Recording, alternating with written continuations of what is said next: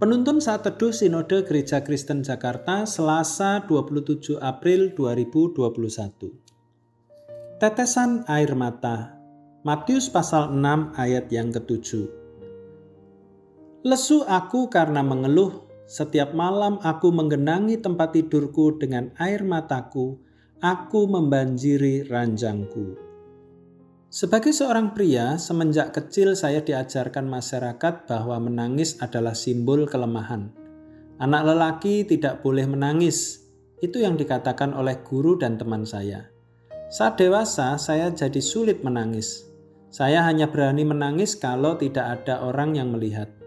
Menangis sebagai simbol kelemahan adalah hal yang keliru. Menangis itu baik dan sehat. Bahkan Tuhan pun juga pernah menangis Yohanes 11 ayat yang ke-35. Menangis adalah lambang duka dan derita. Daud mengatakan setiap malam aku menggenangi tempat tidurku dengan air mataku, aku membanjiri ranjangku. Mengapa Daud menangis?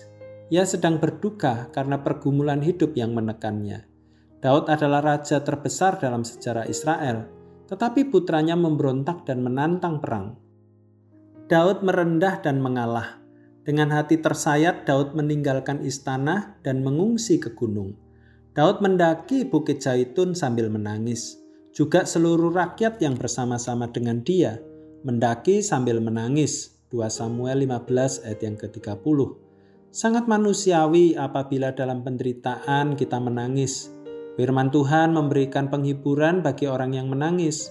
Dalam Mazmur 34 ayat 19 dikatakan, Tuhan itu dekat kepada orang-orang yang patah hati dan ia menyelamatkan orang-orang yang remuk jiwanya.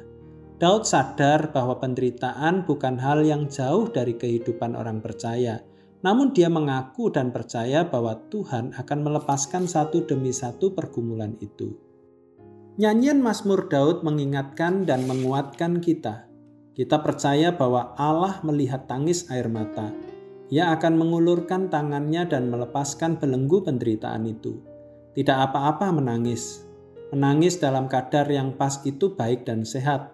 Menangis adalah tanda stimulasi antara jiwa atau emosi dengan jasmani berjalan baik. Mengucurkan air mata adalah pertanda kedua mata kita normal. Memang air mata menetes karena duka dan derita. Namun di balik penderitaan ada pengharapan, Orang-orang yang menabur dengan mencucurkan air mata akan menuai dengan sorak-sorai. Mazmur 126 ayat yang kelima. Orang yang bersedih dalam mengikut Tuhan juga pantas untuk disebut orang beriman. Tuhan Yesus memberkati.